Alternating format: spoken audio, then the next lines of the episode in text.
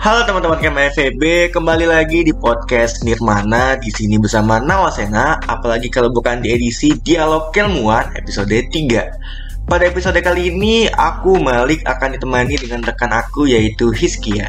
Halo semuanya, kali ini aku Hiskia bakal nemenin Malik selama beberapa menit ke depan dan tentunya dengan topik yang menarik untuk teman-teman dengar. Betul itu. Tapi sebelum masuk ke topik yang akan kita bahas, aku mau tanya kabar teman-teman KMFB dulu nih. Gimana kabarnya di tengah-tengah kesibukan kuliah yang udah mulai offline nih?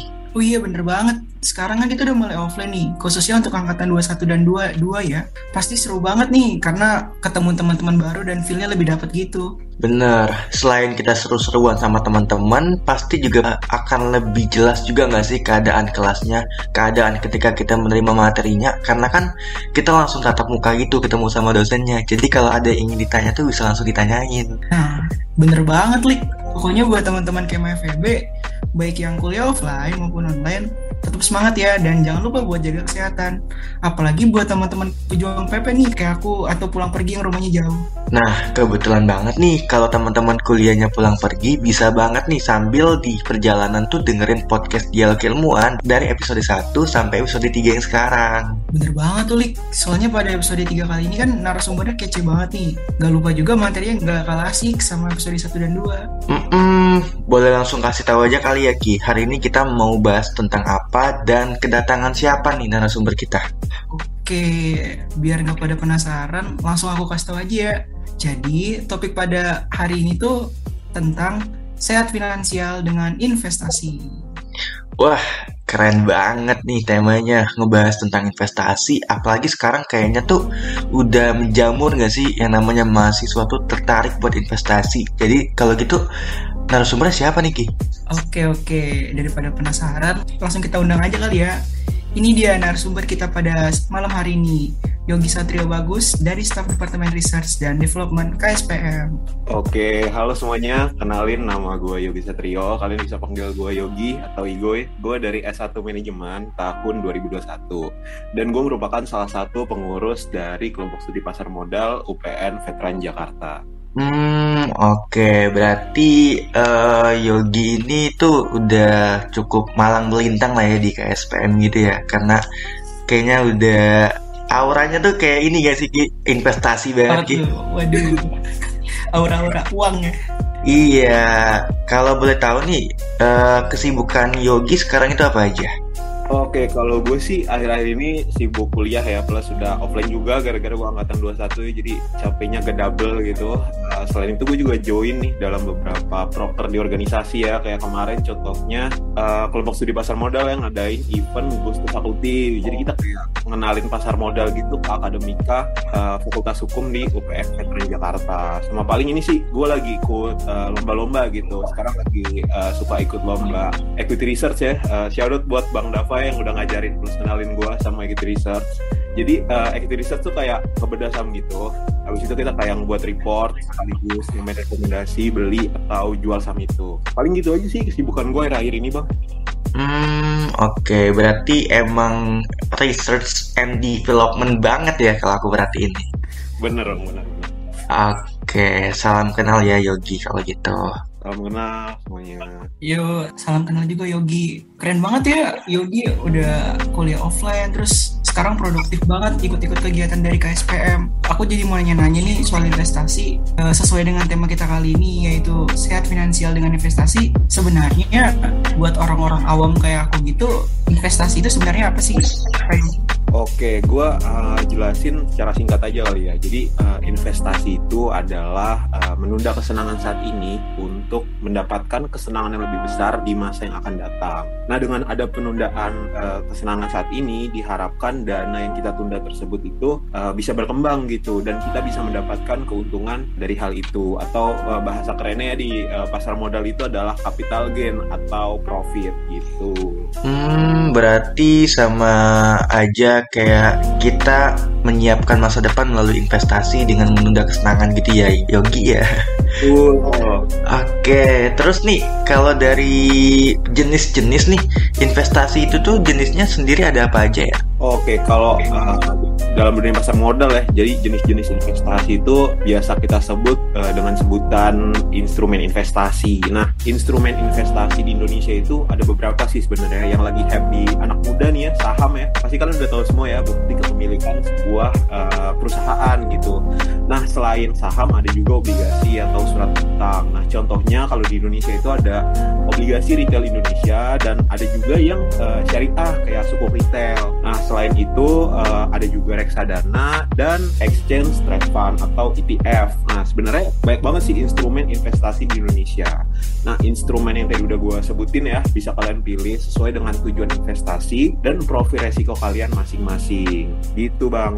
Wah, berarti jenis investasi itu banyak banget ya. Tentunya dengan tingkat risiko yang berbeda-beda juga. Nah, kalau manfaat dari investasi sendiri itu kayak apa sih? Soalnya kan buat orang-orang awam kayak aku gini, ini kan kayak takut nih buat berinvestasi, kayak takut uangnya tiba-tiba hangus, karena kan banyak kejadian juga kayak gitu. Nah, boleh nih dikasih tahu dong buat uh, manfaat investasi itu apa sih, Yogi? Oke, uh, kayak yang udah gue jelasin tadi ya, uh, udah gue singgung sedikit nih di pengertian. Tujuan dari investasi ya, investasi itu bisa bermanfaat nih buat kita karena kita bisa mendapatkan keuntungan atau profit ya. Nah, selain memperoleh keuntungan, berinvestasi juga bisa nyelamatin uang kita dari laju inflasi. Nah, gue yakin kalian juga dapat tahu ya kalau inflasi itu lebih tinggi daripada uh, tingkat suku bunga tabungan. Nah, bahkan ada ya tingkat suku bunga tabungan di Indonesia yang 0% gitu. Jadi kalau kalian cuma naruh uang di bank ya, itu uang kalian itu bakal kegerus nih sama laju inflasi ditambah bakal kena potongan biaya admin juga gitu ya. Nah, selain nyelamatin uang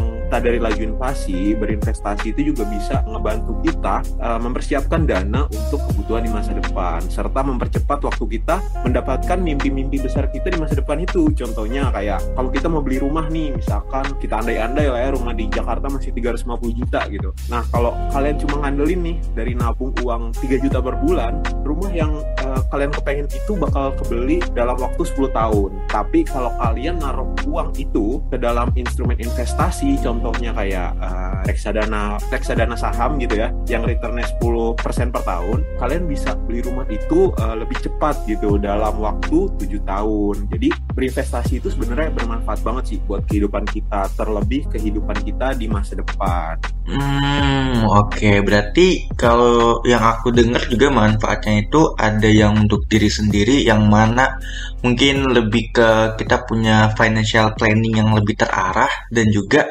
ada manfaat untuk skala nasional gitu ya Yogi.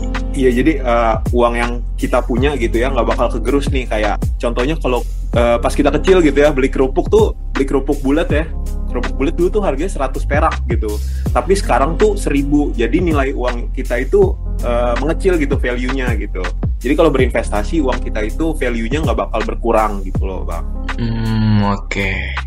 Nah, kalau yang aku pahamin juga nih ya, berarti kan uh, investasi ini kan uh, dikira penting gitu karena emang memiliki sejumlah manfaat itu. Tapi nih, Yogi, mungkin bagi sejumlah orang awam tuh yang kayak tadi Skia juga sempat singgung kan banyak keraguan tentang investasi.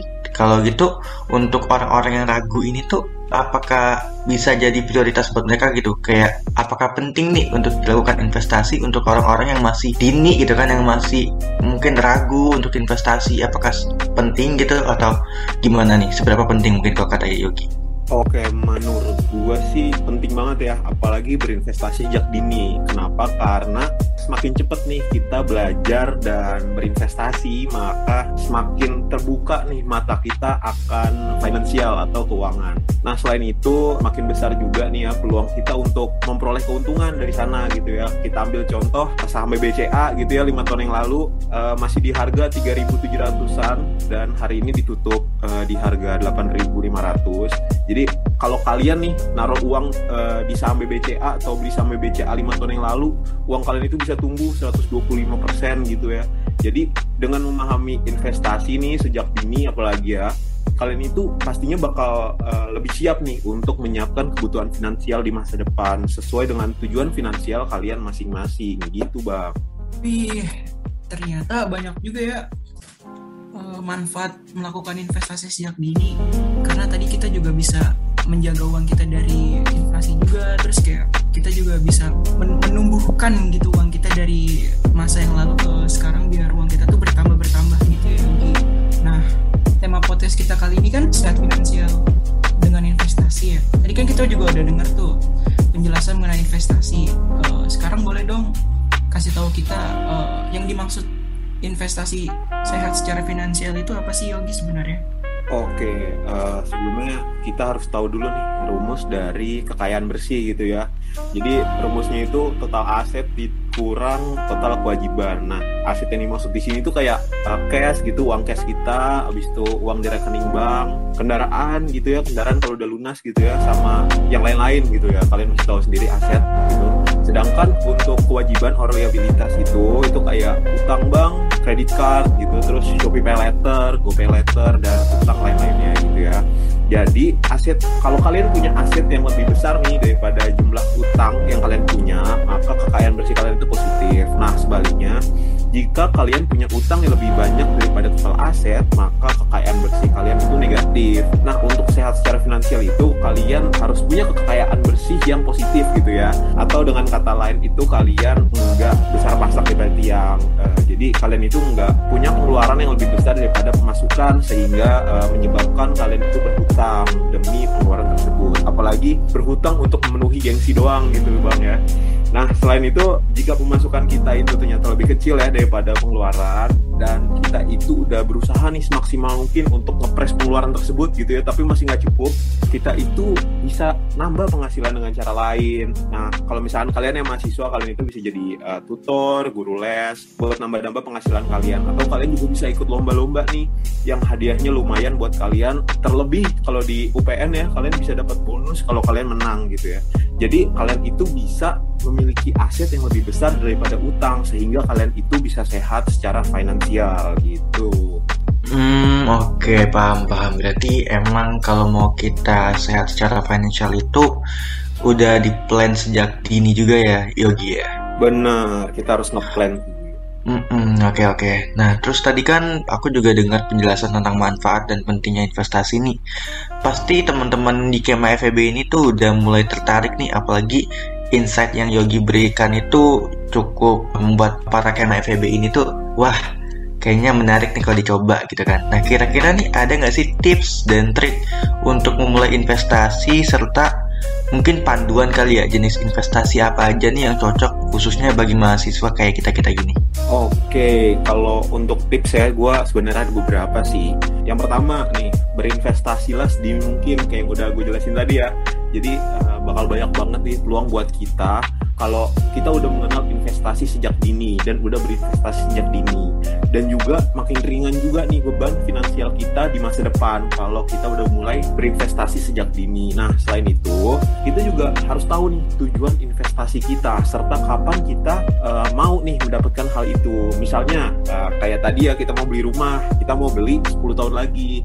Nah, kalau kita udah tahu nih harga dan kapan kita mau beli, kita jadi tahu berapa sih uang yang harus uh, kita investasikan setiap bulannya. Dan juga untuk berinvestasi, kita itu juga harus menyisihkan uang kita setiap bulan. Jadi menyisihkan bukan menyisakan gitu ya. Jadi kalau kalian dapat uang jajan dari orang tua atau dapat uang dari part time gitu ya, kalian bisa uh, alokasikan untuk berinvestasi secara konsisten. Kalau bisa malah meningkat gitu ya. Nah, terus jangan berinvestasi kalau cuma pengen dibilang keren atau kalian berinvestasi kalau cuma ikut-ikutan gitu ya karena ini tuh bisa bahaya banget buat kalian kalau kalian itu uh, cuma asal-asalan investasi dan nggak punya ilmu yang uh, cukup gitu ya buat masuk ke instrumen investasi gitu. Karena ada beberapa instrumen investasi yang tingkat volatilitasnya tinggi gitu. Jadi kalau kalian masukin uang kalian nih misalkan ya uh, kalian masukin dalam beberapa menit itu bisa hilang gitu uangnya. Jadi harus kalian tuh harus punya ilmu gitu ya uh, setidaknya mengerti gitu mengenai instrumen investasi. Nah, kalau soal instrumen ya, instrumen investasi yang cocok buat mahasiswa itu sebenarnya tergantung sama tujuan dan profil resiko kalian masing-masing.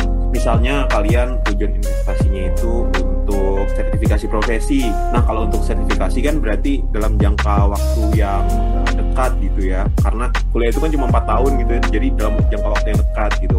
Nah, berarti kalian itu bisa masuk masukin uang kalian ke reksadana pasar uang. Kenapa? Karena di reksadana pasar uang itu kita volatilitasnya rendah dan resikonya itu juga rendah. Jadi kalian nggak punya resiko yang tinggi kehilangan uang kalian gitu. Tapi kalau tujuan investasi kalian itu untuk biaya nikah atau beli rumah gitu, baru deh kalian boleh masuk ke dalam uh, saham atau uh, reksadana pasar saham gitu. Meskipun tingkat volatilitasnya tinggi gitu tapi kalau ditarik secara jangka panjang itu mayoritas harga saham itu naik gitu. Jadi nggak uh, akan berpengaruh gitu sama uang kalian. Tentunya untuk berinvestasi kalian juga harus build dana darurat dulu ya atau ngumpulin dana darurat gitu ya. Nah apa itu dana darurat? Jadi dana darurat itu uh, adalah uang yang bisa kita pakai kalau amit-amit ada kejadian di luar skenario kita gitu.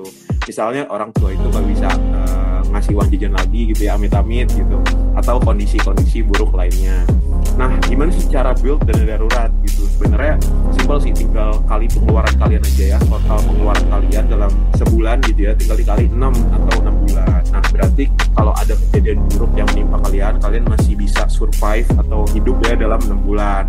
Nah uh, kalau pengeluaran kalian itu dalam enam bulan itu lumayan besar gitu kalian bisa prioritasin nih uh, sebelum investasi kalian prioritasin dulu uangnya untuk dana darurat build dana darurat dulu. Kalau udah dana daruratnya terkumpul baru deh kalian bisa berinvestasi gitu untuk tujuan investasi kalian di masa depan gitu bang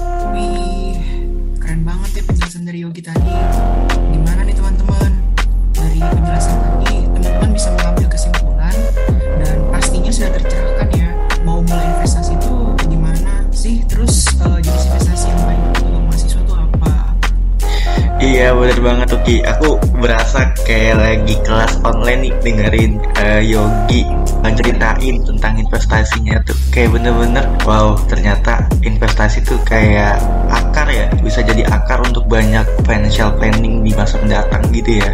Tapi nih ya teman-teman ini juga harus hati-hati nih. Karena kalau misalnya kita lihat di berita sekarang tuh kan kayak banyak banget uh, masyarakat yang ketipu investasi bodong atau ilegal. Tentunya dengan kerugian tuh yang nggak sedikit juga. Nah menurut Yogi nih ada cara nggak sih buat uh, kita semua nih khususnya untuk teman-teman Kema FEB yang ingin memulai investasi supaya terhindar dari investasi ilegal atau investasi bodong? Oke, bener banget ya akhir-akhir ini banyak banget nih uh, kasus mengenai investasi legal atau bodong. Sebenarnya cara menghindar ini simple sih. Kalian itu jangan cepat percaya atau tergiur nih sama janji return yang tinggi. Apalagi dalam waktu singkat dan dengan resiko yang rendah ya. Karena dalam berinvestasi ada teori high risk high return. Jadi semakin tinggi nih return yang diberikan dari uh, instrumen tersebut, maka semakin beresiko bagi para investor. Jadi dengan menjanjikan return yang tinggi dengan risiko yang rendah, apalagi dengan uh, jangka waktu yang pendek, itu nggak make sense sama sekali. Kalian patut curiga sama investasi investasi-investasi yang kayak gitu gitu ya, sama paling pesan gue perbanyak literasi aja mengenai finansial, terlebih mengenai investasi gitu bang. Wih keren banget ya uh, penjelasan dari Yogi tadi. Nah, buat teman-teman semua yang masih awam, kayak aku juga, tolong banget ya dicermati dan dipahami lagi penjelasan dari Yogi agar kita semua juga tetap aman dan terhindar dari investasi ilegal. Karena pada dasarnya nggak ada yang instan dan semua pasti butuh proses. Setuju banget. Jadi uh, kalau yang mau instan mak kayaknya jangan investasi nggak sih tapi masak indomie aja. Wih, ya nggak Yogi? Iya. Lagi kalau lagi habis podcast nih kayak kita nyambi makan mie itu enak sih. Waduh, iya. Hmm. Hujan-hujan lagi. Iya. iya, setuju. Oke, nih sebenarnya tuh masih banyak banget sih aku pengen nanya ke Yogi gitu tentang investasi karena topik kali ini tuh benar-benar menarik banget untuk dipelajari dan juga emang bermanfaat gitu kan sehat uh, secara finansial melalui investasi gitu kan. Nah tapi mungkin supaya kita bisa lebih enak nanya-nanyanya secara langsung tuh ada nggak sih Yogi wadah atau tempat khusus nih untuk teman-teman kayak FEB yang ingin mempelajari tentang investasi lebih lanjut tuh ada nggak? Ada dong kalau di UPN. Jadi kalian itu kalau ke Ucok tuh ada galeri investasi gitu ya. Jadi di situ ada pengurus, ada pengurus-pengurusnya gitu dari uh, kelompok studi pasar modal. Tapi kalau kalian nih uh, pengen belajar investasi lebih dalam lagi gitu ya atau secara dua arah, bentar lagi nih kita bakal adain program uh, Investor Muda Study Club. Jadi di program Investor Muda Study Club atau EMSC ini kalian itu bakal dibimbing gitu ya uh, oleh para pengurus uh, KSPM untuk mengetahui pasar modal khususnya saham lebih dalam lagi. Nah, Uh, selain ikut IMSC, kalian juga bisa kepoin uh, Instagram KSPM ya di @kspm.upnvj. Di sana kita selalu posting-posting nih ilmu-ilmu terkait pasar modal yang pastinya menambah wawasan teman-teman semua. Terus kalau kalian pengen join sama KSPM, kita itu uh, buka atau oprek open recruitment itu di akhir tahun ya Desember. Nah buat pendaftarannya sendiri, kalian cuma tinggal kirim aja nih CV kurikulum IT ya sama paling belajar-belajar aja mengenai saham gitu. Karena nanti ada tes-tesnya ada tiga tahap ya. Ada uh, tes tertulis terus ada wawancara dan satu lagi apa ya lupa gue pokoknya belajar mengenai saham. Itu seru guys. Wih keren banget tuh tadi kegiatannya. Teman-teman jangan lupa ya buat daftar uh, opreknya di Desember tadi ayo Bener, di Desember. Oke, berarti kayak umum lah ya, ngisi CV gitu kan. Terus ada penugasan juga ya Yogi ya kalau nggak salah ya? Iya, ada penugasan.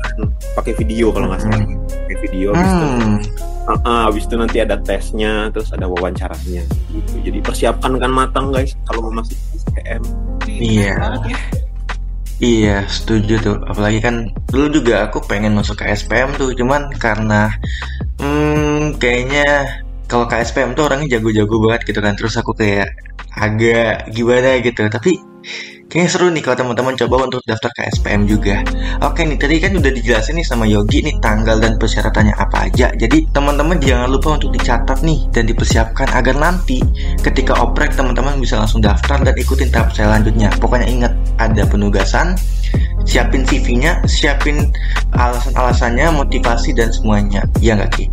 bener banget li buat teman-teman Kema FEB jangan lupa ya nanti ikut oprek KSPM ya karena banyak banget kegiatan yang bermanfaat nih buat kita mengisi waktu-waktu perkuliahan kita.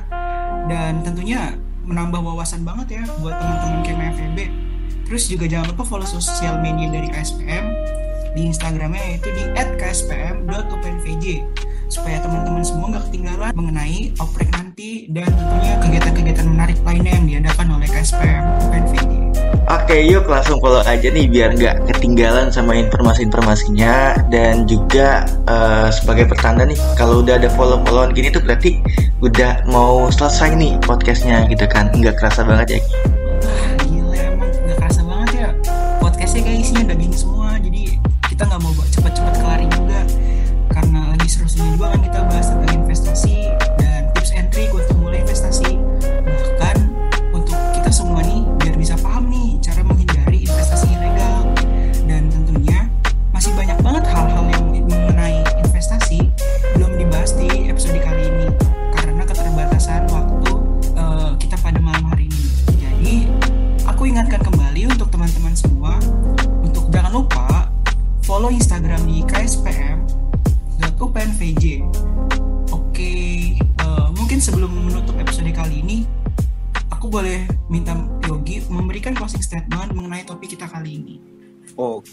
ada satu quotes nih yang uh, favorit banget nih gue nih.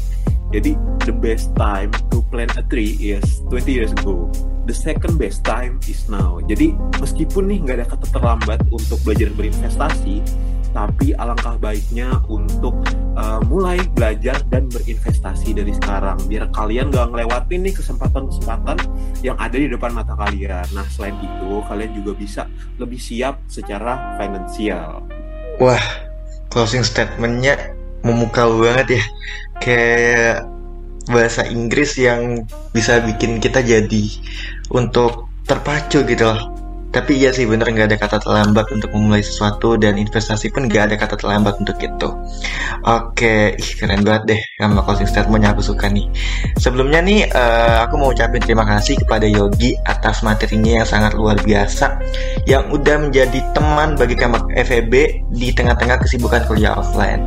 Sekali lagi aku ucapin terima kasih kepada Yogi. Semoga kita bisa ketemu lagi dengan kesempatan dan mungkin juga bisa lebih sering sharing tentang investasi di kemudian hari.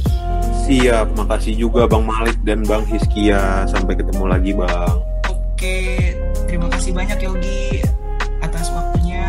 Semangat buat kuliahnya dan sukses terus buat KSPM. KSPM Jaya, Jaya, Jaya. Jaya, Jaya. Oke. Jaya terus. Oke, gimana Niki tentang bahasan kita pada episode kali ini? Gila, menarik banget like isinya kayak daging semua gitu jadi wah pasti banyak banget nih ilmu yang bakal kita dapat dan juga buat teman-teman Kema dapat terutama tentang investasi Aku juga berharap banget semoga materi tentang sehat finansial dengan investasi pada episode ketiga kali ini memberikan manfaat yang sangat baik buat teman-teman, terutama buat teman-teman Kema yang udah dengerin podcast kita kali ini sampai selesai. Amin, tapi sayangnya nih kita udah saatnya harus pamit ya Ki sama teman-teman Kema FEB. Iya, Lik. Aduh, sebenarnya gak pengen pamit juga ya. Kalau gitu, kami mengucapkan terima kasih banyak buat teman-teman semua yang sudah mendengarkan podcast Dialog Ilmuwan episode ketiga kali ini sampai selesai. Semoga ilmunya dapat bermanfaat buat teman-teman semua ya. Aku Hiskia pamit undur diri. Dan aku Malik pamit undur diri juga. Terima kasih dan sampai berjumpa lagi di podcast Dialog Ilmuwan episode berikutnya episode 4. Bye bye. See you.